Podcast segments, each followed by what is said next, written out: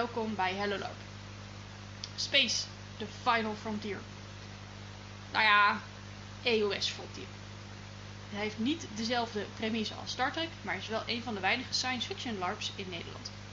Vandaag komt Sander Burger terug op de podcast om ons hierover te vertellen en zit hij samen aan de spreekwoordelijke tafel met mij, Imke, Kotka Hoi. en Pascal. Hallo.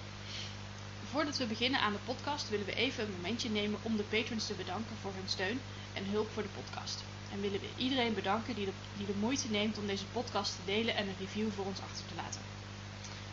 Ehm, nou ja, zoals je dus hebt gemerkt is er een beetje een foutje ontstaan in onze planning en daardoor hebben we nu deze aflevering een week eerder. De aflevering over een bestaande LARP-organisatie waar we het vorige week over hadden, over hadden is gewisseld en die komt volgende week. Eh, dan gaan we eh, naar Sander. Je bent natuurlijk al eerder bij ons op de podcast geweest, dus een complete introductie hoeft niet. Maar misschien kun je ons wel vertellen over wat je nu precies doet bij EOS Frontier en hoe dat je daar terecht bent gekomen. Ehm, ik ben begonnen als gewoon een normale deelnemer. eh, speler, al vanaf de eerste aflevering. Ehm, er was een moment dat er bestuur nodig was. En toen ben ik ingestapt. En eh, gelukkig hoef ik niet zo heel veel bestuurstaken te doen, omdat we dat eh, zoveel mogelijk minimaliseren. Meer tijd voor de LARP. Dus ik ben veel bezig met logistiek en een stukje techniek. eh, en een stukje hulp aan nieuwe spelers. En nou, dan beginnen we natuurlijk even met de eerste vraag. Wat maakt deze LARP bijzonder?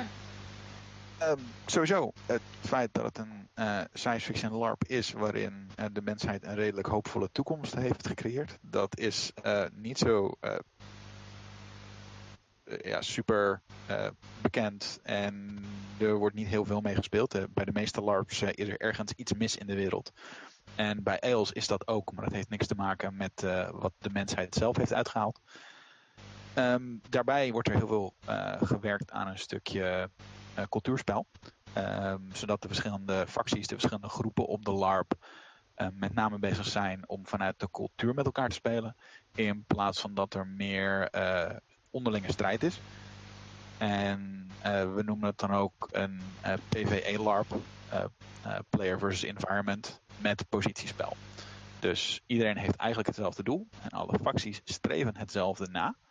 Maar ja, je wil wel eigenlijk dat jouw groepje of jouw factie als eerste over de finishlijn komt. Dat zorgt voor een heel andere vorm van concurrentie. Overlaat voor spel.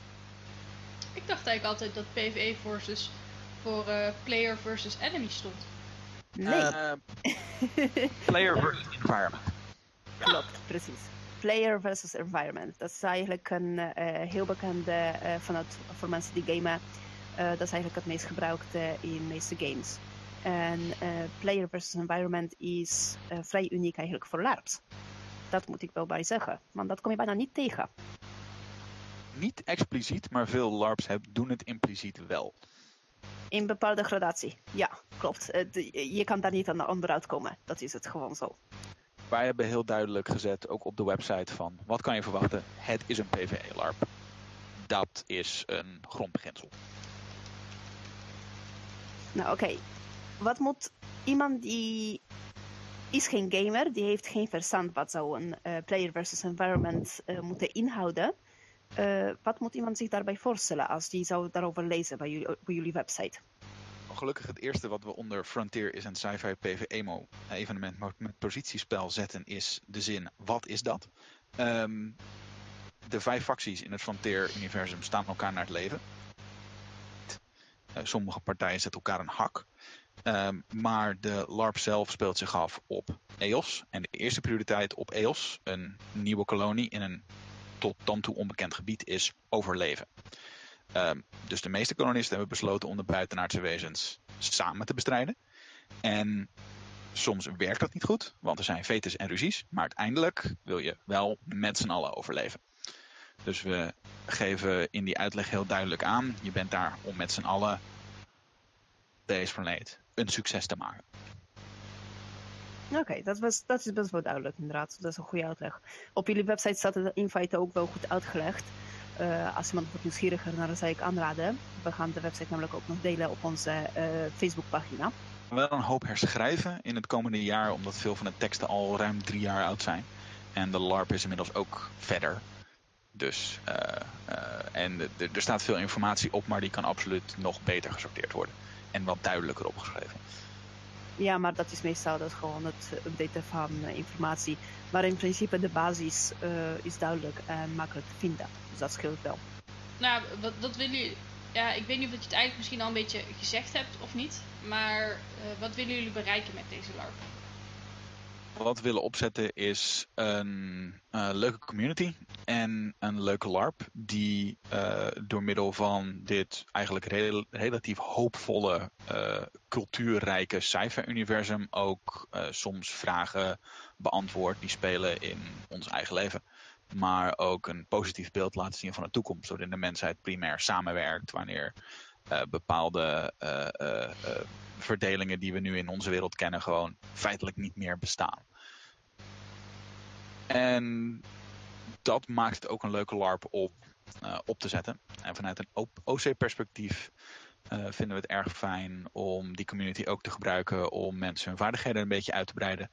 Uh, heel veel props en heel veel ideeën, heel veel techniek die wordt gebouwd, wordt eigenlijk geplayersourced. Dus er zijn naast de spelleiding en de organisatie, zijn er ook meerdere teams waarin een mix van spelers, figuranten, organisatie en spelleiding zitten. zoals een mediateam en een ICT-team. Die dingen bouwen. En dat zijn websites, maar ook stukken techniek, software die we veelal op GitHub zetten voor automatische alarmsystemen en character sheets bouwen, uh, IC-scanners, uh, mooie schermen waarop nieuws kan worden weergegeven, IC-nieuwsberichten met behulp van video. Dus er wordt. Uh, dus, dus in feite is dat een stuk buiten het spel om. Waarin we proberen ook samen met de community met z'n allen deze LARP te bouwen. Je bij veel LARPs ziet waar het vaker discrete teams zijn onder één vaste organisatie. En dat heeft ook te maken met de manier hoe deze LARP is begonnen doorgestart. Maar dat is de volgende vraag, denk ik. klopt, ja. Ja, dat klopt uh, inderdaad. Dat, uh, wat, wat, is inderdaad dat, uh, dat verhaal? En met name ook, hoe zijn jullie erop gekomen om dit neer te zetten zoals het is? Het korte antwoord is niet. de originele spelleiding heeft vier afleveringen gedraaid en meerdere specials van deze LARP, de originele organisatie. En ja, toen waren er real-life gebeurtenissen en andere verplichtingen en uh, tijdsissues. Waardoor deze spelleiding heeft aangegeven aanvankelijk op zoek te zijn naar een nieuwe spelleiding om het voor hen te draaien. En dit is uh, kort daarop overgegaan naar een volledig nieuwe organisatie. Dus die organisatie heeft feitelijk de hele LARP overgenomen. En dat bestond primair uit uh, een aantal oud-spelleiders, maar vooral oud-spelers en oud-figuranten die samen eigenlijk de LARP volledig opnieuw hebben opgebouwd. Uh, waarbij de ervaring van de spelers tot dan toe eigenlijk leidend was. Dus spelers hebben veelal zelf hun spelersgidsen geschreven, zelf hun culturen herbouwd of uitgebouwd. Um, zelf props gebouwd, zelf die stappen genomen. Totdat er uiteindelijk, uh, denk ik, drie kwart jaar nadat uh, de originele spelleiding had aangegeven, wij kunnen dit niet meer um, er een nieuwe aflevering stond. En sindsdien weer terug is gegaan naar de twee afleveringen per jaar.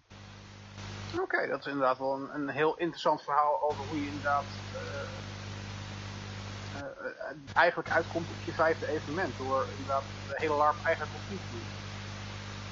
Zijn er buiten de dingen die je net al beschreef nog grote veranderingen geweest in het opnieuw opbouwen van de LARP? Of hebben jullie wel dus een beetje de structuur aangehouden die al gelegd was? gelegd. Um, en we hebben met name die structuur aangehouden. Er waren nog een aantal structuren die waren geïmpliceerd door de spelleiding. Of er waren een aantal culturele dingen die erin zaten. En daar hebben we kritisch naar gekeken. Zo was een van de vijf facties erg technologieafers. En was daardoor een soort Space Druids geworden met Space Magic. En wij hadden zoiets van, dit is een sci-fi LARP. Als je een Druid wil spelen met Magic, zijn er een heleboel gave LARPs waar je dat kan doen. Misschien is op een sci-fi LARP een harde beperking zetten op een factie tegen technologie iets wat niet toevoegt aan de spelerervaring. Dus er is toen bijvoorbeeld besloten om dat cultureel te maken. met name de old school van die factie zeggen: ja, technologie, we willen liever biotechnologie en we doen liever alles op een natuurlijke, uh, macrobiotisch verantwoorde wijze. Terwijl een aantal van de nieuwe wetse binnen die fractie zeggen: jee, technologie. En uh, dat heeft vervolgens weer voor meer cultuur gezorgd binnen die fractie. Dus op die manier zijn er wel veranderingen ingeslopen. Maar die hebben vooral de spelerervaring uitgebouwd en uh, aangevuld. En zijn ook veelal gekomen vanuit de spelers. Dit is ook hoe de uh, LARP uh, is, heel veel is gaan, gaan player sourcen. Of eigenlijk deelnemers sourcen. De spelleiding hoeft lang niet alles zelf te doen. Sterker nog, gezien de grootte van de LARP is het gewoon fijner als je de spelleiding actief kan ondersteunen. Zo hou je ook blijft vinden dat is zeker zo. En uh, het is een alombekende dingetje in LARP-wereld. Er is gewoon tekort aan spelleiding. Uh, hoe ziet het er eigenlijk eruit in praktijk? Um, ja. Heb je daar een voorbeeld van, om het zo te zeggen? Um, hadden we op een gegeven moment uh, meerdere schermen in de locatie en die schermen konden nieuws aangeven. Dus toen was het idee opgevat, zullen we een message systeem bouwen? En dat message systeem dat zorgde ervoor dat eigenlijk iemand op een computer of een terminal met de juiste access code op een knop kon drukken. En op dat moment werd die status naar alle schermen in de locatie gestuurd. Dus dat betekent dat de kok kon zeggen: het eten is klaar. Een soldaat kon zeggen: alarm fase 1. Uh, een medicus kon zeggen: we hebben bloedtekort in de medbay. Doneren, kom alsjeblieft bloed doneren. Uh, of boodschappen zoals uh, missies vertrekken dan en dan. Of de shuttle komt dan en dan aan. Dus op die manier kan je een heel stuk plot, een heel stuk informatieverspreiding doen via die schermen. En die worden allemaal uitgerust met dito geluidjes en dergelijke. Dus wanneer er een statusverandering is, dan hoor je in de hele locatie die statusverandering. En het kan een bliepje zijn van de lunch is geserveerd. Of het kan een schreeuwend alarm zijn van de aliens komen eraan. Oké, okay, dat is en dit een is volledig aanpak, ja. Dat is... Uh nou, wacht even. Volgens mij herinner ik me namelijk nog berichten over deze systeem, gezien dat nogal wat vrienden van mij spelen bij uh, jullie LARP. Uh, vast zeker uh, kennen jullie ook ervan. Maar ik weet nog dat dat systeem werd gebouwd en uitgeprobeerd, inderdaad. En ik hoorde een keertje maar het geluidje wat werd ervoor gebruikt. Het klonk inderdaad ontiegelijk realistisch en het trekt je aandacht. Dat was echt een hele toffe aanpak van jullie. En, maar het is met name een idee van een speler en een wens van spelleiding en meerdere deelnemers van hoe kunnen we dit. En dan wordt er ook over nagedacht, nou hoe kunnen we dit om het spel uh, te, te, te, te, verbeteren. Dus er is kritisch nagedacht over welke alarmpjes zijn handig en of leuk. En de keuken is er erg blij mee. Want ze kunnen aangeven, joh, dit is klaar of kom nu lunchen. Um, daar te veel in hebben, dat dat te pas en te onpas er zo'n alarm afgaat, want dan verliest het systeem ook zijn functie. Dus daarin is wel degelijk door alle deelnemers heel goed nagedacht van zo doen we het. En ja, we zijn ook heel erg van de open source en laten we de hobby verbeteren. Dus het geheel staat open source op GitHub. Eigenlijk alles wat we gebruiken staat open source op GitHub. En het is inmiddels ook al gebruikt door een andere LARP. Uh, uh, is het herbouwd om te dienen als hun alarm- en missiesysteem. Dus um, op die manier proberen we ook een beetje uh, terug te geven aan de hobby. Ja, dat is zeker een hele mooie natuurlijk. Dat uh, is ook een beetje eigenlijk een belangrijke aan de community van LARP natuurlijk. Want iedereen heeft gave ideeën en als die ideeën worden gedeeld, kan het alleen maar leuker en beter worden. Dat is heel simpel zo. Maar om dat maar, direct mee te nemen in ontwerp. Ja, precies. Maar uh, dat was dus het eigenlijk verhaal achter jullie LARP en hoe jullie zijn ja, erop gekomen, om het zo te zeggen eigenlijk, hoe het is uh, ontstaan. Maar wat voor spel in principe bieden jullie aan? Um, nou, we hebben uh, uh, het ontworpen rond een aantal wat we noemen dan spellagen. En uh, spellagen zijn eigenlijk de primaire lijnen waarop je spel kan vinden in de LARP. en soms zijn plots één spellaag, soms zijn plots meerdere spellagen. Um, een belangrijke spellaag is uiteraard factioneel. Want je hebt vijf facties die allemaal in de afgelopen IC 200 jaar aan menselijke geschiedenis dingen met elkaar of tegen elkaar hebben uitgevreten. Soms allianties, soms verraad, uh, soms oorlogen, uh, soms bondgenootschappen, soms helpen, soms zelf, zelfopoffering. En dit schept allemaal bepaalde panden. Dus uh, sommige personen hebben vriendschappen gesloten of, zijn, zijn, of er zijn personages IC getrouwd die ook weer allerlei bagage met zichzelf meebrengen. Dus er wordt heel veel gespeeld met een stukje cultuur en factioneel. Dus als jij komt, dan kan je erop rekenen dat je zowel met je factie als met andere facties daar interessant spel uithaalt. Zoals gebruiken, uh, ochtendbriefingen of een ochtendmis, mocht je personage religieus zijn. Ehm, bijeenkomsten, IC-trainingen en dan soms wordt de training gegeven door concurrenten van elkaar en heb je daar ook weer verschillen tussen. Um, en soms zijn er ook missies waarbij uh, leiders uit verschillende scholen van uh, militaire cultuur komen. En die, ja, die kunnen ook radicaal van elkaar verschillen. Dus er wordt heel veel mee gespeeld. Um, dan is een andere laag uh, militair. De cultuur, als in promoties en hoe werken de verschillende militaire groeperingen met elkaar. militaire intelligentie, dus informatie over de vijand of puzzels of vertalingen. Uh, maar ook uh, er moeten missies worden gedraaid, daarvoor moet informatie worden verzameld. Uh, en uiteindelijk zal een missie moeten worden gepland, leden uitgezocht en een missie moet eruit gaan. en soms heb je een piloot nodig en soms heb je een, een chemisch expert nodig. Dus dat moet je allemaal eigenlijk samenstellen. Um, dat is aardig wat planwerk. Ja, en in principe zorgt het ook ervoor dat de spelers moeten elkaar opzoeken wat dat betreft. En uh, ze moeten eigenlijk een beetje samen gaan werken. Dat zit overal in. Inderdaad erop neer. Ja, klopt. Dat is heel belangrijk. Um, um, uh, je, het is vrij gemakkelijk om de basis van een heleboel vaardigheden op te pikken. Zo is het regelsysteem ontworpen. Het regelsysteem heeft ook heel veel skills. Uh, maar zo'n beetje 80% van het plot kan worden opgelost met uh, basisskills. En basisskills kan je heel goedkoop aanschaffen. Dus je kan best een manetje van alles spelen.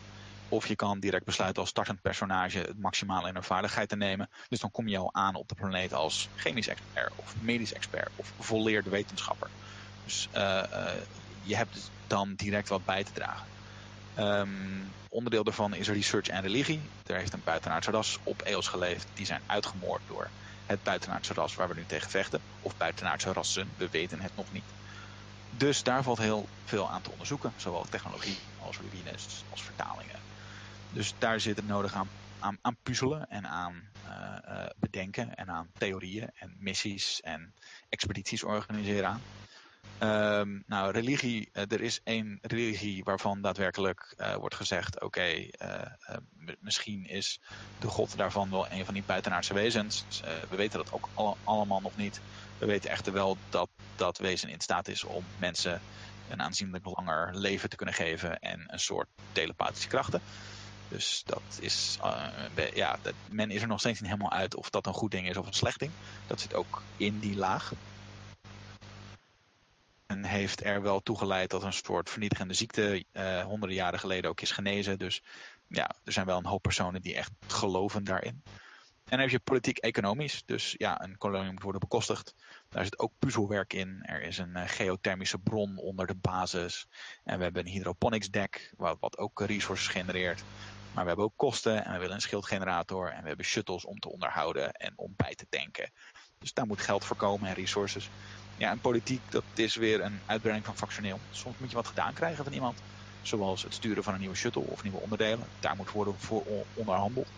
Er zijn ook uh, mensen die overlevenden zijn van een soort kolonieschip. Die al op de planeet zijn, al honderden jaren. Daar moet ook mee worden onderhandeld. Want ja, ze zijn soms ook niet even vriendelijk, maar ook niet even vijandelijk. Dus er is een heleboel te doen. Oké, dus dat is echt een hele uitgebreide uh, setting gewoon in principe. Want um, hoe erg mengen al die facties onderdelen uh, met elkaar? Zijn ze echt, zeg maar, uh, echt uit elkaar gesepareerd, om het zo te zeggen? Of moeten ze eigenlijk samenwerken? Ja, ik neem aan natuurlijk dat zeg maar, dingen zoals ziekenboeg, ja, dat werkt gewoon met iedereen. En iedereen moet daarmee een beetje samenwerken. Maar hoe kan ik mij dat het beste maar voorstellen? Um, nou, dat ligt er vaak aan uh, hoe lang personages op de planeet zijn. Veel personen die voor het eerst aankomen, ja, die zijn nog heel erg van... oké, uh, ik, ik, oriënteer me op mijn thuiswereld en mijn factie. En facties vangen, onderling ook hun nieuwe leden op. Er is een soort, nou, als je door het portaal heen komt... dan krijg je netjes een welkomstpamflet en een welkomstbriefing. zorgvuldig samengesteld door het diplomatieke korps van de planeet. Ehm, waarin je gewoon basisinformatie krijgt. Nou, die mensen moet je spreken voor dit en die hoofden. En um, binnen de planeet zijn er dus al verschillende afdelingen en verschillende hoofden. En die hoofden zijn al van verschillende facties. Dus het kan best zijn dat als jij een Aquilaan bent die supergoed is in digitale beveiliging, ja, dan kom je toch te werken onder een, uh, uh, een lid van het keizerrijk. die ook, wiens opa ook in het conclaaf zit, de, de grote raad van de planeet. Dus die is, heeft behoorlijk wat invloed en die is de baas over alle computers en digitale beveiliging. Dus dan moet je plotseling toch samenwerken met iemand van een andere fractie. In, in dat opzicht werkt dat overal wel zo. En dan kun je zelf voor kiezen van ja, hoeveel spel wil ik daar wel of niet mee maken. Hoe ver ga ik samenwerken? Uh, ontstaat er een soort, soort grudging respect? Of kan er toch een vriendschap groeien? En vaak personen die al wat langer op de planeet zijn, die uh, kiezen ervoor om veel samen te werken met andere facties. Dus die hebben vriendschappen gesloten. misschien zelfs wel geliefde, respect, bondgenoten. Um, dus vaak bouwen mensen nog wel hun missieteams of hun actiegroepen om bekende uh, medefactiegenoten heen. Maar dan nemen ze experts mee of vrienden of bekenden van allerlei facties. Soms moet je gewoon tegen wil en dank samenwerken. Dat gebeurt ook als je met z'n tweeën in een shuttle zit en de twee piloten zijn van verschillende facties. Nou, je hebt ongeveer 30 seconden om uit te vogelen om effectief te communiceren, want de motor is uitgevallen. Succes. Jijks, dat is nooit een leuke scenario. We hebben tot nu toe nog geen shuttle van de grond hoeven te krabben. Uh, Oké, een paar keer hebben we een close call gehad. Dus, ach. Um, nou, ik, ik hoor eigenlijk ook een, een hele hoop uh, lore die erachter zit. En nou was uh, Kotka net voor mij eigenlijk wat te, snel, met het vragen van wat voor spel jullie aanbieden. Uh, maar mijn vraag sluit hier toch nog een beetje op aan. Want uh, is het uh, dan ook zo dat bijvoorbeeld spelers ook heel veel van de lore schrijven of hebben geschreven? Of is dat toch wel bij de spelleiding gebleven? Coöperatief, primair. Uh, dus uh, spelers hebben zelf hun spelersgidsen aangevuld en op een gegeven moment waren de spelersgidsen gewoon compleet. Dus dat betekent dat we zeggen, oké, als jij een lid wil spelen van de clans, dan is dit jouw spelersgids en die legt jou uit, zo werken de clans. Uh, maar mocht je op een gegeven moment zeggen, oké, ik kom van deze planeet en ik kom uit een klein dorpje op deze planeet, dan kan het best zijn dat je een paragraaf schrijft over je eigen dorpje en dat dat in een spelersgids terechtkomt. Um, er was ook een spelersgroep die zat te kijken naar een serie backup personages. veel mensen vinden het leuk om ook nog eens te variëren op de LARP. Um, en uh, die vroegen zich af of er binnen een bepaalde andere factie een soort vrijwilligerslegioen is. Dus toen he, hebben spelers van die desbetreffende factie als een soort klusje samen met de spelleiding een stukje geschreven over vrijwilligers in de legioenen. Um, en dat stukje is ook in de spelersgids terechtgekomen. En dat, dat, dus, dat is op verzoek van andere spelers gebeurd van een andere factie. En zo krijg je toch iets wat leuk op elkaar aansluit. Dus dingen die nu worden toegevoegd aan de spelersgidsen zijn over het algemeen kortere stukjes of misschien een, een beetje extra. Mm -hmm. um, en de spelleiding is daar ook actief bij betrokken. En soms spoegt de spelleiding ook gewoon dingen toe, zoals uh, de, de manier hoe het grote samenwerkingsverbond werkt, of uh, personeel daarvan, of hoe lege onderdelen daarvan werken. En dat is gewoon echt primair de spelleiding die dat toevoegt en die informatie deelt met ons. Ja, duidelijk. Uh, eigenlijk dan, dan, dan kijk ik Kotka nog even aan of dat ze nu over dit gedeelte al door vragen heeft kunnen stellen of dat ze nog vragen had. Nou ja, in principe uh, betekent dit dat jullie spelers dragen bij uh, aan het setting, toch? Het is een levende setting ook. Oké. Okay. Um, hebben jullie daar iets van de beperkingen aan? Of controleren, ja, ik neem aan dat jullie controleren natuurlijk alles wat er wordt uh, door de spelers geschreven of meegegeven.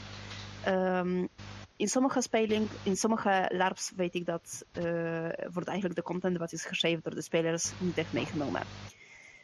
Hoe ziet het eruit bij jullie? Hoe uh, ziet het proces van controle, van verwerking, van uh, beoordeling voor zoiets eigenlijk uit? Vaak wordt dat, we hebben een Discord en vaak wordt in de Discord gezegd, is dit een leuk idee? Of wat vinden mensen hiervan? Nou, vaak is het dan onderling al een factie of een groep die het bespreekt en soms zet de discussie zich voort op het forum of binnen hun eigen interne Facebook.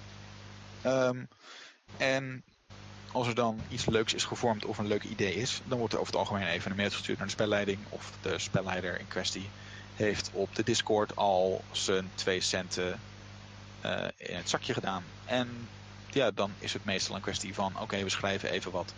We stellen het voor en als de spelleider zegt dat ziet er prima uit. Uh, en als medespelers zeggen ja, dat is awesome, dan wordt het toegevoegd. Oké, cool. Ja, uh, Zo'n zo aanpak ken ik ook inderdaad een beetje vanuit andere LARPs in principe. Bijvoorbeeld uh, Malakdan heeft een soort gelijk iets. Zij hebben ook een Discord-channel aangemaakt, Discord-server aangemaakt met verschillende channels uh, waarin dingen kunnen worden besproken, maar ook veranderingen aan systemen worden doorgegeven, zodat mensen kunnen mening geven en zo. Dus dat is een heel, in principe heel direct en snel manier van communicatie met je spelers. Ja, en het, we hebben ook een... Um uh, een beetje een, een, principe dat we proberen de setting niet 100% dicht te schrijven. Dus er zijn binnen spelerschitsen, binnen legergroepen, binnen eenheden absoluut uh, zelf dingen te schrijven. Dus we hebben ongeveer geschetst hoe een Aquilaans legioen of hoe een keizerlijke eenheid of hoe een clan militia eruit ziet. Maar jouw specifieke clan militia kan daar absoluut een eigen sausje van hebben. Of jouw eigen eenheid binnen het legioen kan een expertise hebben. En dan kun je daar een stukje over schrijven. En dat kun je toevoegen aan de spelerschets. Of je kan zeggen van, uh, nou lieve spelleider, kunnen we dat zo doen en kunnen we dit in het spel naar voren laten komen. Dus daar valt een hoop uh, mee te doen, zolang je gewoon overlegt en een beetje tijdig bent. De spelleiding geeft over het algemeen een deadline voor een evenement van, joh, uh, rond die datum willen we al jullie snode plannen en voorstellen en dingetjes hebben gezien of hebben besproken. En na die datum gaan we ons richten op het aankomende evenement. En dan, dan, dan zetten we het even op slot. Goed, dus dat is echt een hele snelle aanpak van jullie. Hm. Um, is dat, of is dat eigenlijk heel veel werk van jullie? Vanuit jullie kant als uh, spelleiding, als organisatie? Als organisatie zijn wel niet. Uh, soms is het eventjes een deelnemer of een spelleider helpen om een klein stukje toe te voegen aan een spelerschits. Uh, de spelleiding is er ongetwijfeld wel de nodige tijd en kwijt vaak is het, is het gewoon even casual of een klein bijding waarbij het eigenlijk alleen maar een achtergrondstukje is wat toevoegt. En dan hoeft er niet zo zwaar aan gedeeld te worden. Dan kan er meer aandacht uitgaan naar plots en nieuwe deelnemers. Want nieuwe deelnemers vereisen wel, wat, wel het een en ander aan begeleiding. En daar helpt ja, dan als speler. Ja, dat is een bekend date. De, de, de begeleiding voor nieuwe spelers is een, uh, een nodige overal zo'n beetje. Ongeacht of het zijn veteranen of niet ik vind van wel meningen variëren, maar zeker bij deze LARP. Uh, er zijn een paar dingen gewoon keihard verplicht die je geregeld moet hebben. En als je dat niet regelt, dan kan je gewoon niet beginnen als speler op deze LARP. Nee, maar dat heeft uh, denk ik ook vooral te maken met de setting. Want let's face it, science fiction is iets helemaal anders wat de meeste LARPen zijn gewend. Uh, high fantasy, fan, of überhaupt gewoon fantasy om het zo te zeggen. Dus dat is een beetje nodig als switch. En dat kan best wel veel begeleiding en hulp nodig hebben gewoon. Als lid van een LARP-organisatie ben ik, of eigenlijk meerdere LARP-organisaties, ben ik van mening dat dit eigenlijk elke LARP kan helpen. Door te zorgen dat een nieuwe deelnemer altijd aansluit op je setting en bij voorkeur aansluit op je spelersgroep. Want dat voorkomt dat mensen een beetje orfend rondlopen. Dat voorkomt ook de, de, de eindeloze stroom. Ik ben eigenlijk Legolas, maar niet Legolas. Of uh, ja. uh, concepten en bedoeld als funplay op een niet funplay LARP of als te serieuze concepten op een LARP die, een hele, die eigenlijk is ontworpen een hele lichte toon te hebben. Dus als jij je nieuwe spelers begeleidt en als jij het actief doet als spelleiding en als spelersgroep, dan krijg je nieuwe medespelers die gelijk mee kunnen. Of een, die in een vroege fase zegt, weet je, jullie hebben een punt, dit is niet de LARP voor mij. Ja, zeiden voor mij als uh, organisatie uh, persoon voor LARPs dat het gewoon fijn is om een leuke community met z'n allen te bouwen. Uh, en daar eerlijk in te zijn. Sander, je had, je had, het er net over dat nieuwe spelers dat die ehm, bepaalde dingen ja, moeten regelen. Of van tevoren geregeld moeten hebben. Kun je daar een voorbeeld van geven? Er zijn twee hele belangrijke. Een achtergrond. En die hoeft niet lang te zijn, maar dit ben ik, dit heb ik gedaan, daar kom ik vandaan. Uh, uh, zo ben ik getraind of opgeleid of daar ben ik getalenteerd in. En heel belangrijk, de reden waarom je naar deze kolonie bent gestuurd of bent gekomen. een sluitende reden. Terwijl je door het portaal heen loopt, wat is jouw reden om aan de andere kant in het portaal te zijn gestapt? Die is heel belangrijk. Want dat is je startmotivatie. Ik, ik had eigenlijk het idee dat de, de, de, de vereisten waar jij het over had, die, spelers, die nieuwe spelers moesten regelen, dat die ook uh, binnenspels zijn. En daar was ik nieuwsgierig naar. Um, nou, dat valt op zich mee. Binnen het spel uh, kan een hoop op zijn bootjes terechtkomen als je maar zorgt dat je aankomt met dat je wetende wie je bent. En wat je doel is, of wat je initiële doel is zijn vaak relatief gemakkelijk te regelen. Dat is dan wel het voordeel van een sci-fi LARP. Uh, waar ook het nodig aan militaire componenten aan zitten. Wel een wat kan je verwachten en wat zoeken we op de website staan. Dus dat je van tevoren als speler van ja, we, we zoeken graag inzet. We willen op zijn minst dat je je even minimaal inleest in, in, in dit stukje lore. Je hoeft niet de hele spelerschets uit je hoofd te kennen, maar je moet wel aankomen met uh, uh, sluitende dingen voor je factie. Uh, want dat gaat je helpen. Dus in, in dat opzicht proberen we wel van tevoren uh, aan te geven bij ons. Dit faciliteren we. net zoals het, het, het kopje onder PVE. We worden verdrietig van structurele plannen tot het uitroeien van medespelers. Concepten die specifiek zijn gericht tegen een spelersfractie of groep keuren we af. Dus dat zijn wel dingen die we van tevoren neerzetten. Maar als je dat soort dingen doorleest en je zegt, oké, hier ga ik voor, dan ben je er feitelijk al. Um, nou, nou um, haak je het eigenlijk al perfect aan uh, bij de volgende vraag. Namelijk, op wat voor spelers richten jullie je eigenlijk? En ook op wat voor spelers richten jullie je specifiek niet? En, en zitten er uh, bepaalde requirements voor um, ja, rollen of personages of dat soort dingen? Um, er zijn wel een. Nou, uh, facties uh, hebben een aantal uh, culturen. En binnen de culturen zijn er bijvoorbeeld personages die het binnen die culturen zwaar hebben bevorduren. En dat zijn concepten waar vaak de spellening ook van zegt: als je dit wil spelen, goed opletten. En er zijn ook een paar dingen waarvan we hebben gezegd: dat keuren we af. Er is een uh, interne, uh, er is ergens een terroristische organisatie in een factie. Het is niet mogelijk om te beginnen als lid van deze terroristische organisatie. Er zijn ook een aantal geheime diensten. Het is niet mogelijk om te beginnen als een lid van de geheime dienst. Dat zijn dingen die binnen het spel kunnen gebeuren of waar je in het spel mee in aanraking kan komen. En dan zijn er personen van bijvoorbeeld de Accuraanse Republiek die besluiten om niet te dienen en geen, dienst, en geen stemrecht te krijgen dat zijn eigenlijk tweederangs burgers. Die worden oké behandeld, maar ja, je hebt niet gediend. Je, hebt, je, je bent niet bereid om je leven in de waagschaal te, te leggen voor de republiek. En als je dan aankomt, dan kan het best zijn dat uh, uh, dat gaat absoluut een invloed hebben op je spel. Dus daarvan wordt dan gezegd, let daar goed op. Um, voor de rest, um, militair. Um, en met, met de allerhipste wapens en panzer ever misschien 3 tot 5 procent van de LARP die gaat over daadwerkelijk gevechten en confrontaties. En dat is primair op missie. Dus als jij gewend bent, ik zit in een dorp met mijn wapenrusting en mijn zwaard en ik ben hier om het dorp te verdedigen, dan ga je op het bastion. Principe redelijk goed verdedigd en aanvallen op het bastion zijn of niet of apocalyptisch. Ja, ja. Dus uh, als je het spel in de gaten met ik ga militair spelen en ik ben hier primair om uh, uh, dingen overhoop te schieten, dan is dit niet de LARP voor jou. Als je zegt ik, ben, ik ga militair spelen en ik vind het gaaf om me onder te dompelen in een aantal pseudo-militaire culturen, dan zit je aan het goede adres. Oh, dat klinkt en... als een stukje wat zou een goede vriend van mij heel leuk vinden waarschijnlijk. Um, en ja, we zoeken echt motivaties en sterke en zwakke punten.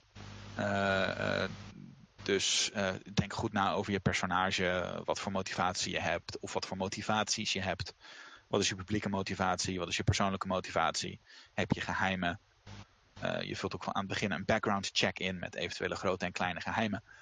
Uh, uh, andere spelers kunnen met de nodige moeite en met politieke vaardigheden misschien achter jouw militaire file komen, waarin het zou kunnen staan: Oh, jij hebt een gokverslaving of je hebt een gokverslaving gehad. En dan kan daar spel uitkomen. Het is niet de bedoeling dat dit spel is wat je personage enorm zou schaden, want PvE. Maar is absoluut iets waarmee je personage mee aan de slag kan gaan. Als je probeert op invloed over je te krijgen, dan uh, kan een zwak punt worden gebruikt om die invloed te verkrijgen. Maar dat zijn wel spelimpulsen. Dus van dat soort dingen wordt niet gezegd: probeer je geheim geheim te houden. Uh, heb geheimen. En daar gaat zeer waarschijnlijk mee gespeeld worden. Dus nodig dat ook uit. Dus als jij het niet, ja, als je, het niet, als je dat niet fijn vindt, dan is dit ook niet de LARP voor jou. Ja, ja dus, dus je vraagt inderdaad eigenlijk wel specifiek van je spelers: van je moet het wel oké vinden om uh, dingen over een, een, een, gelaagd personage te hebben.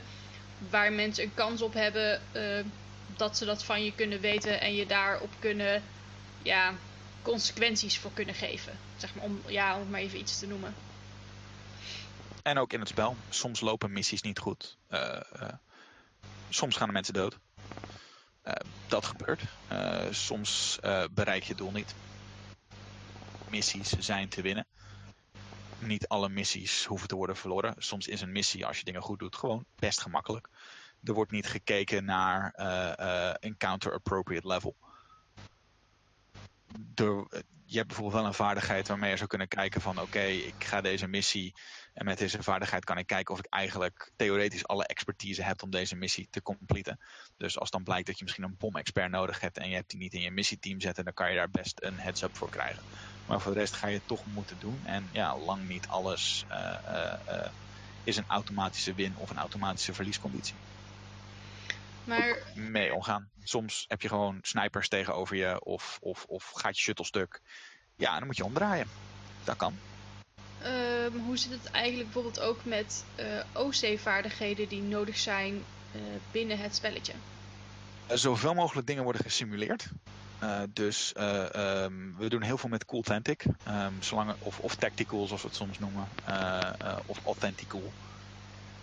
Zolang het er goed uitzicht en je hebt de vaardigheden, dan geloof het wel.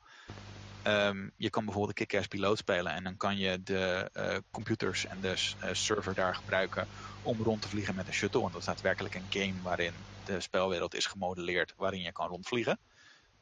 En waarin je shut op schade kan raken. Je kan ook zeggen, ik speel een kick-ass piloot. En dan kan je gewoon het filmpje aanzetten op het scherm en spelen met de joystick alsof je vliegt. Dus we hebben zoveel mogelijk geprobeerd om een OC skill cap eruit te houden. Behalve noodzakelijke dingen als in, ja, je moet wel een wapen kunnen richten als je met een wapen omgaat. Uh, en um, we verwachten dat iedereen op een niveau met een computer om kan gaan als ik kan een browser opstarten en een puzzeltje doen. Want hacking systemen zijn bijvoorbeeld uh, puzzels. Uh, dus het, het, simuleert wel heel goed hacken met sommige wachtwoorden zijn onkraakbaar en sommige wachtwoordzinnen zijn heel moeilijk te hacken. Um, maar je doet het daadwerkelijke hacken door puzzeltjes op te lossen die ook door de computer worden gegenereerd. Dus we hebben zoveel mogelijk geprobeerd om een OC skill cap eruit te houden. Behalve dat je soms wel een paar systemen moet leren. Maar... Dat is een hele coole aanpak eigenlijk. Ja. Uh, hij is niet super origineel, uh, um, uh, maar hij werkte heel goed. De, de eerste ervaring die ik ermee had, um, was op een, ja, wat eigenlijk hier en daar ook een spirituele voorganger kan worden genoemd van deze LARP, dat is Unity. En die gebruikte Mini-Stack als slotenkraaksysteem. En iedereen had zoiets van mini-stack als slotenkraaksysteem. Als je een mini-stack bordje naast een deur hangt en je moet mini-stack stukjes in een bordje duwen om connecties te maken, deur te morrelen, dan ziet het er best uit iemand, alsof iemand een deur probeert te hacken. Dus op dat moment heb je een aardigheid die eruit ziet als wat je probeert te simuleren en die ook een klein beetje een skill cap heeft. En op, die, op basis van die filosofie hebben we geprobeerd om alles te doen. En het loopt redelijk, al zijn er absoluut nog systemen die wat uh, extra finesse kunnen gebruiken. Maar is dat uh, mini-stack dat je dan uh, ja, een bepaald patroon moet zien te maken? Of hoe moet ik ja, dat zien? Ja, bij hun wel. Uh, wij doen alles op de computer. Um, maar dat is hetzelfde. Dus je hebt een patroonherkenningsspel. eh, waarin je bijvoorbeeld gewoon woorden uit een woordenbrei moet halen. Je hebt een, eh, eh, een spel waarbij je eigenlijk factiekennis bij elkaar moet zoeken. Dan ben je eigenlijk een wachtwoord aan het brute forcen. En dan probeer je uh, factie-specifieke termen te verzamelen voor de computer die je aan het hacken bent. Want die is uiteraard van een persoon van een factie. Dus dan weet je, oké, deze computer is van een lid van de Sona meritocratie. Dus ik ga heel veel specifieke woorden van deze cultuur opzoeken. En daarmee ga ik het wachtwoord proberen te brute forcen. Dat is dus ook een soort collectiepuzzel. Dus in dat opzicht uh, uh, doen we het wel op een computer. Dus als mensen bezig zijn met de hacking game, dan doen ze dat op een computer. En ziet het er ook best uit alsof ze aan het hacken zijn. En uh, de moeilijkste hacks vereisen ook echt teams. Dus dan heb je ook mensen die allemaal met elkaar om een scherm heen zitten met meerdere computers. Die secties van een hacking puzzel proberen op te lossen. Ziet er best gaaf uit. Ja, ja dat is, bij de impressie op jullie website is het inderdaad ook wat een en ander te lezen en te zien. En ik heb inderdaad wat foto's zien voorbij komen van zulke momenten. Het uh, impressie wat ik kreeg daarvan was inderdaad gewoon uh, mensen die samenwerken aan gewoon hacken, oplossen. Het uh, simulatie wat werd gebruikt bij die dingen, dat zag er echt heel erg goed uit ook. De hele totale zeg look daarvan, kudos voor jullie, want dat zag er echt ontiegelijk tof uit. Het is een group effort, want uh, wederom, uh, spelers dragen hier buitengewoon veel aan mee. Um, ja, dat, dat vind ik er inderdaad eigenlijk wel heel erg uh, tof uitzien. Is het ook mogelijk om van tevoren het uit te proberen? Um, ja, en specifiek zijn daar ook regels voor geschreven. Um, voor iedereen die een eerste keer een personage komt spelen, uh, is het een kwestie van nou, deel vooral je personage en nou, hoe je deze zou willen spelen. Als je het eerste evenement je personage hebt gespeeld, dan hebben we zoiets van nou, misschien heb je nu een, een redelijk idee van hoe je personage werkt en vindt binnen dit spel. Want misschien vind je theoretisch wat leuk, wat misschien praktisch wat minder is. Mm -hmm. En dan mag je met behulp van de XP die je hebt gehaald, je huidige personage respecken. We noemen dat gewoon de respec regel. En dan mag je zeggen, oké, ik, ik ben begonnen als een ingenieur, maar ik vind hacken veel leuker. Dus uh, ik ga het grootste deel van mijn punten in de ingenieur ga ik nu in hacken steken. En dan op die manier heb je wat probeerruimte. Dat, dat klinkt inderdaad wel heel erg fijn, want het klinkt inderdaad wel alsof dat het een heleboel ja, vaardigheden zijn die in de meeste andere LARPs niet per se echt tegenkomt. Dus dan kun je van tevoren ook ja, een beetje moeilijk uitproberen van goh, welke vaardigheden passen nu daadwerkelijk bij dingen die ik echt leuk vind om ook te doen binnen het spelletje even een impressie te krijgen van hoe de LARP loopt. En je kan dan gewoon binnen jezelfde personage met de kennis en die XP die je hebt, kan je respecken. Uh, en uh, veel mensen uh, maken er gebruik van vaak om een paar puntjes rond te schuiven. Maar de meeste mensen zijn wel tevreden met hun initiële keuzes. Ja, het, ik ben zeker overtuigd. Wat dat betreft hebben we ook een aantal spin-offs. Uh, dus feitelijk, ja, de LARP heeft specials. En dat zijn gewoon specials zoals uh, je relatief traditioneel kent als in een missie of een verkenning. Of we gaan een situatie oplossen terug bij de kernwerelden. Dus dat is een heel eind portaalreizen terug. Dus het is vaak leuker om op een special te doen. Cultuur even uitlichten. En dan hebben we spin-offs. En dat zijn vaak gebeurtenissen uit de geschiedenis van het evenement die we dan min of meer naspelen. En dat is ook een uh, gelegenheid waarin je niet je eigen personage speelt. Dus veel personen kiezen er dan voor om juist een personage van een andere factie te spelen in een totaal andere beroepsgroep. Uh, om gewoon even te proberen. Uh, ze hebben wel een soort diplomatieke onderhandeling gehad die, tussen twee facties. waarin vrijwel iedereen niet zijn eigen factie heeft gespeeld. Gewoon puur om eens te kijken hoe de andere kant leeft. En we hebben op een voormalige Nederlandse marine mijnenveger uh, de reis van het gedoemde ruimteschip uitgespeeld. Waarbij iedereen lid was van de bemanning. En ja, je wist waar de LARP ging eindigen, maar het was toch een fijne ervaring. Dat, van ja. een marineschip is leuk.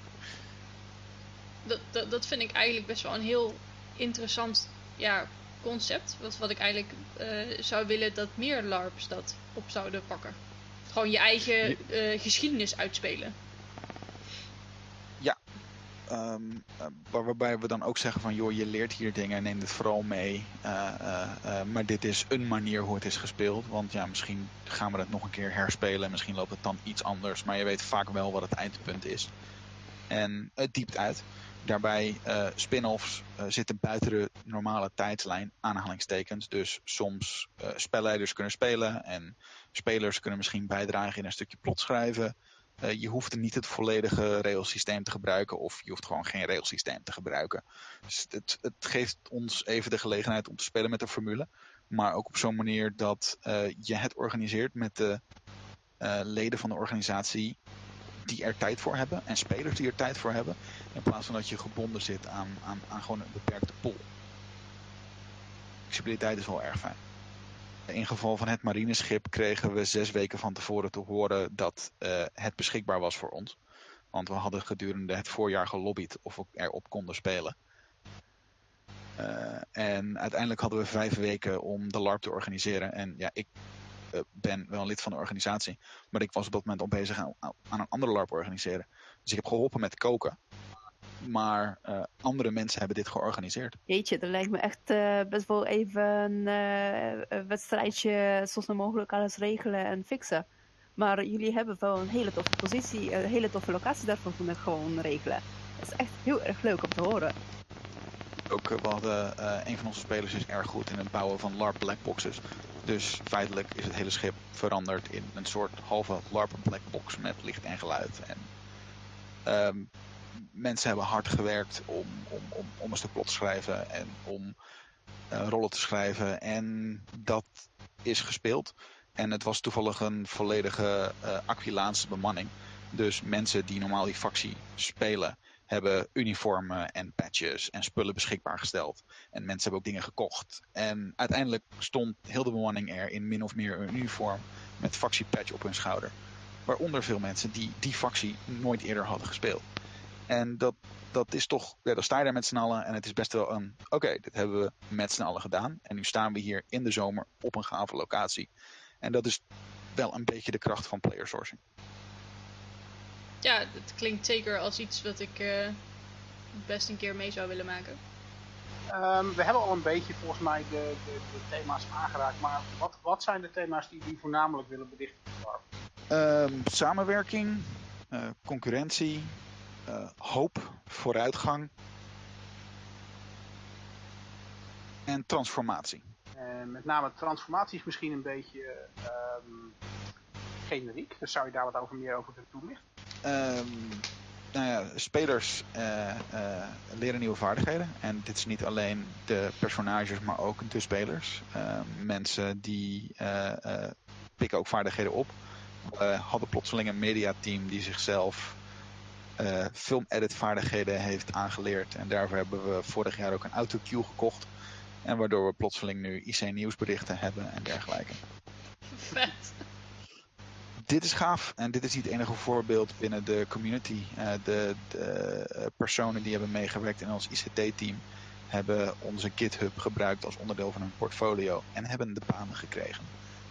En dat zijn gave dingen. Absoluut. En ik, ik denk dat jullie uh, zeker een hele toffe spelersgroep hebben als je zoveel hulp en input van je, van je spelersgroep weet krijgen.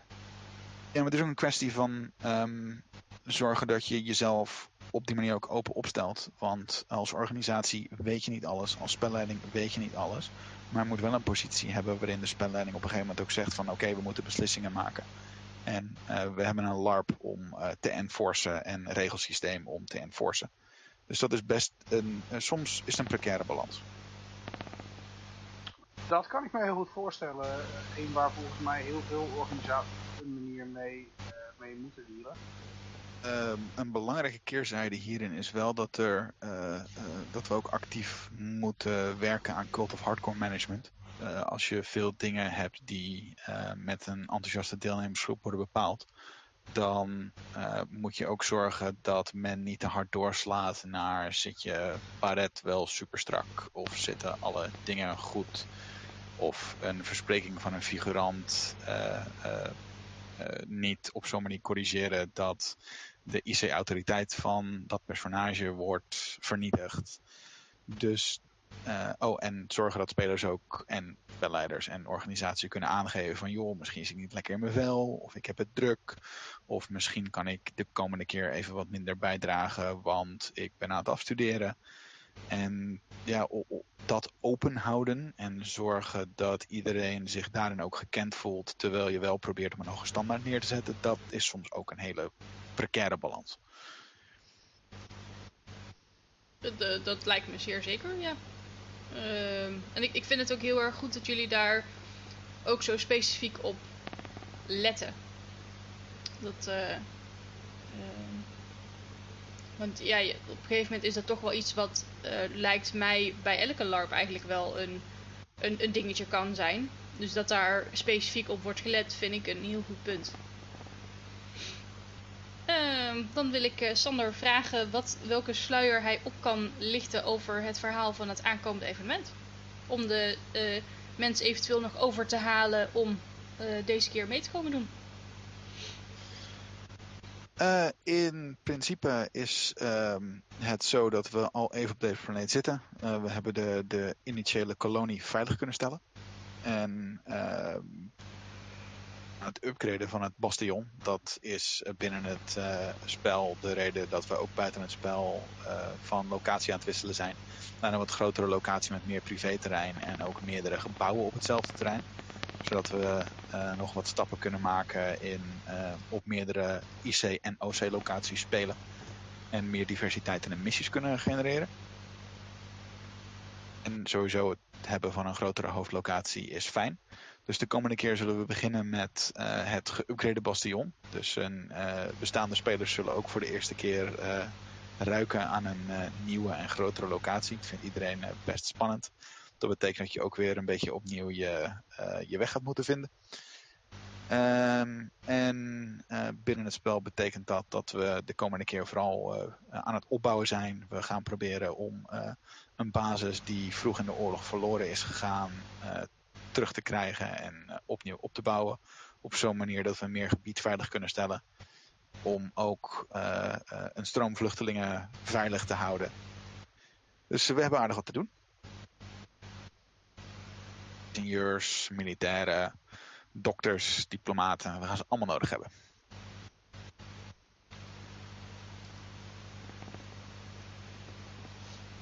Uh, en dan een, eh, een nieuwe favoriete vraag hier op de podcast. Wat zijn tot nu toe je favoriete spelmomenten die op EOS zijn ontstaan?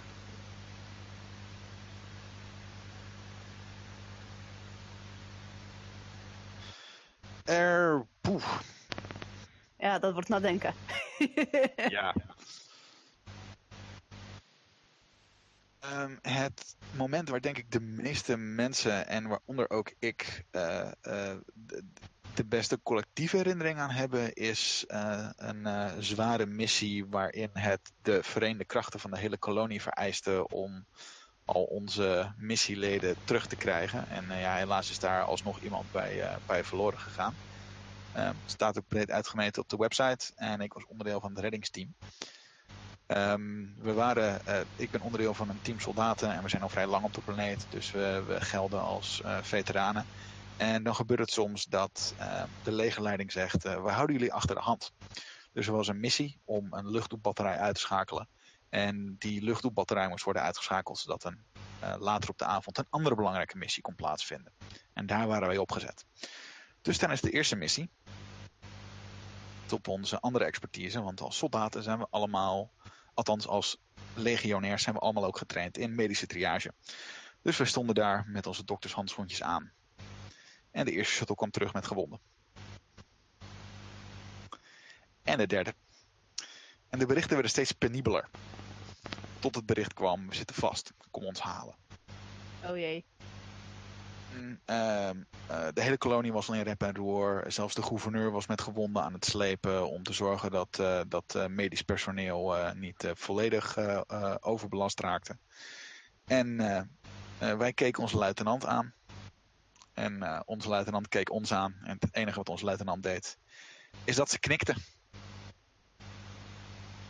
Dus wij razendsnel onze doktershandschoentjes uit. Razendsnel onze standby kits in die al klaar stonden voor de missie daarna. Razendsnel de shuttle in. in 20 minuten hebben we iedereen, inclusief het lichaam van de ene overledene, naar huis weten te halen. Onder het mom, don't worry love, cavalry's here.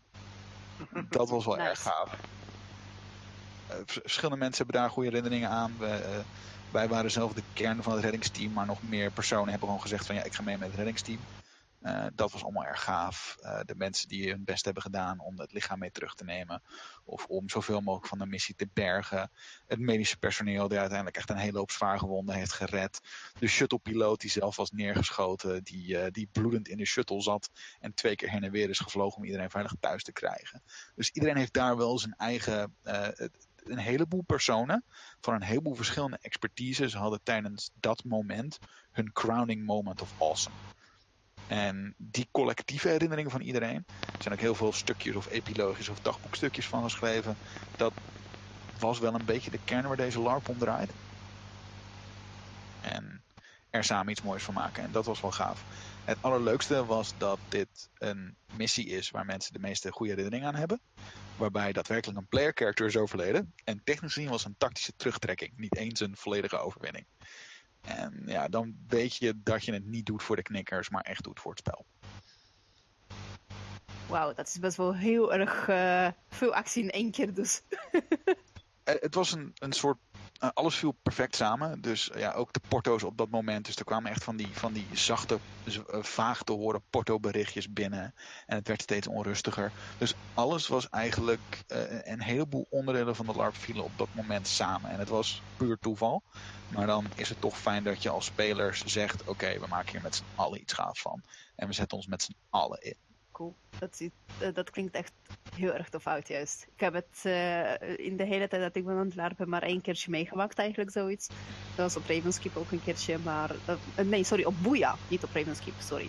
Op Boeia was het een keertje ge- geweest. Maar als dat zo gaat, dan gaat de hele evenement echt ontiegelijk vlot. De hele verhaallijn gaat zo smooth. Dus dat is echt... kan ik me heel goed voorstellen, dat is een van je favoriete momenten. Als niet Ja, meest favoriete. Ik had nog maar één ander zo'n moment. eh, En dat is echt op een andere LARP jaren eerder. Dus dit soort momenten zijn vaak zeldzaam. Maar als ze gebeuren, dan is het zo, zo zoet. Ja, klopt, ja. Cool. Ehm, nou, voor de, voor de luisteraars die denken, ehm, hè, de EOS vind ik best wel tof zijn. eh tof, tof klinken, maar ik ben misschien nog niet helemaal overtuigd. Ehm, als je eh, wil, kun je nu nog even een momentje nemen om die twijfelaars over te halen van om toch echt naar EOS te komen. Als je op zoek bent naar een sci-fi LARP en een leuke community. eh, je vindt het leuk om samen te spelen en samen te werken met anderen. Diverse dingen doen eh, en je wil een hoop gave dingen meemaken. Dan is dit een goede LARP om een keer te proberen. Kort maar krachtig. Denk dat ik het daarbij hou. Eh, zeg maar, eh, eh, we, we proberen een verhaal te vertellen. Ik denk dat we dat hebben gedaan. Ik nodig mensen vooral uit om de website te bekijken en om een keertje een mailtje te sturen als ze geïnteresseerd zijn. Ook als figurant, of als je denkt wat bij te, bij te dragen. Je hebt het idee voor het, het perfecte stukje software dat een LARP beter zou maken. Wij bieden je graag de gelegenheid om het te testen als je het leuk vindt. Nou, dat klinkt inderdaad sowieso heel interessant. Ehm, dan eh, denk ik dat we hiermee zijn aangekomen bij het einde van deze aflevering. Eh, Ja. Nu gaan we volgende week eindelijk echt kijken naar een bestaande LARP-organisatie, zodat mensen daar een wat beter beeld bij kunnen krijgen. Eh, met deze aflevering hopen we dat jullie meer informatie hebben gekregen over de LARP EOS Frontier. De inschrijving is nog open. Hoop ik. Toch? Eh, ja. Het Tot is- wanneer? Eh, de inschrijvingen zijn in principe open tot het evenement zelf, maar op dit moment alleen nog maar voor figuranten. Dus als je eh, de komende EOS overweegt, kijk dan vooral naar die van november. Of je kan kijken, eh, we zijn op dit moment bezig met het organiseren van een spin-off opnieuw op het marineschip. Zeer waarschijnlijk wordt dat eind augustus. Mm, hou vooral de aankondigingen in de gaten. Eh, je hoeft geen deelnemer te zijn aan de bestaande LARP om een keer te genieten van de spin-off. Eh, je kan even proberen of de community en het concept wat voor jou is. En als het dat niet is, heb je alsnog een leuke dag op een unieke locatie. Ja, het lijkt me helemaal duidelijk. Ehm, vind je deze podcast geweldig en wil je dat die blijft bestaan? Deel deze podcast dan met andere mensen. Schrijf een review over ons, want daardoor kunnen we nog beter gevonden worden op de diverse kanalen. En als je wat geld kan missen, denk er dan eens aan om een donatie te doen of een patron te worden op hellolarp.nl. Zelfs met 1 dollar in de maand worden wij al geholpen.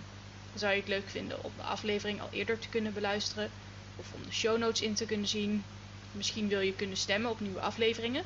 Word dan patron voor 5 dollar in de maand en dan help je deze podcast om nog gaver te worden.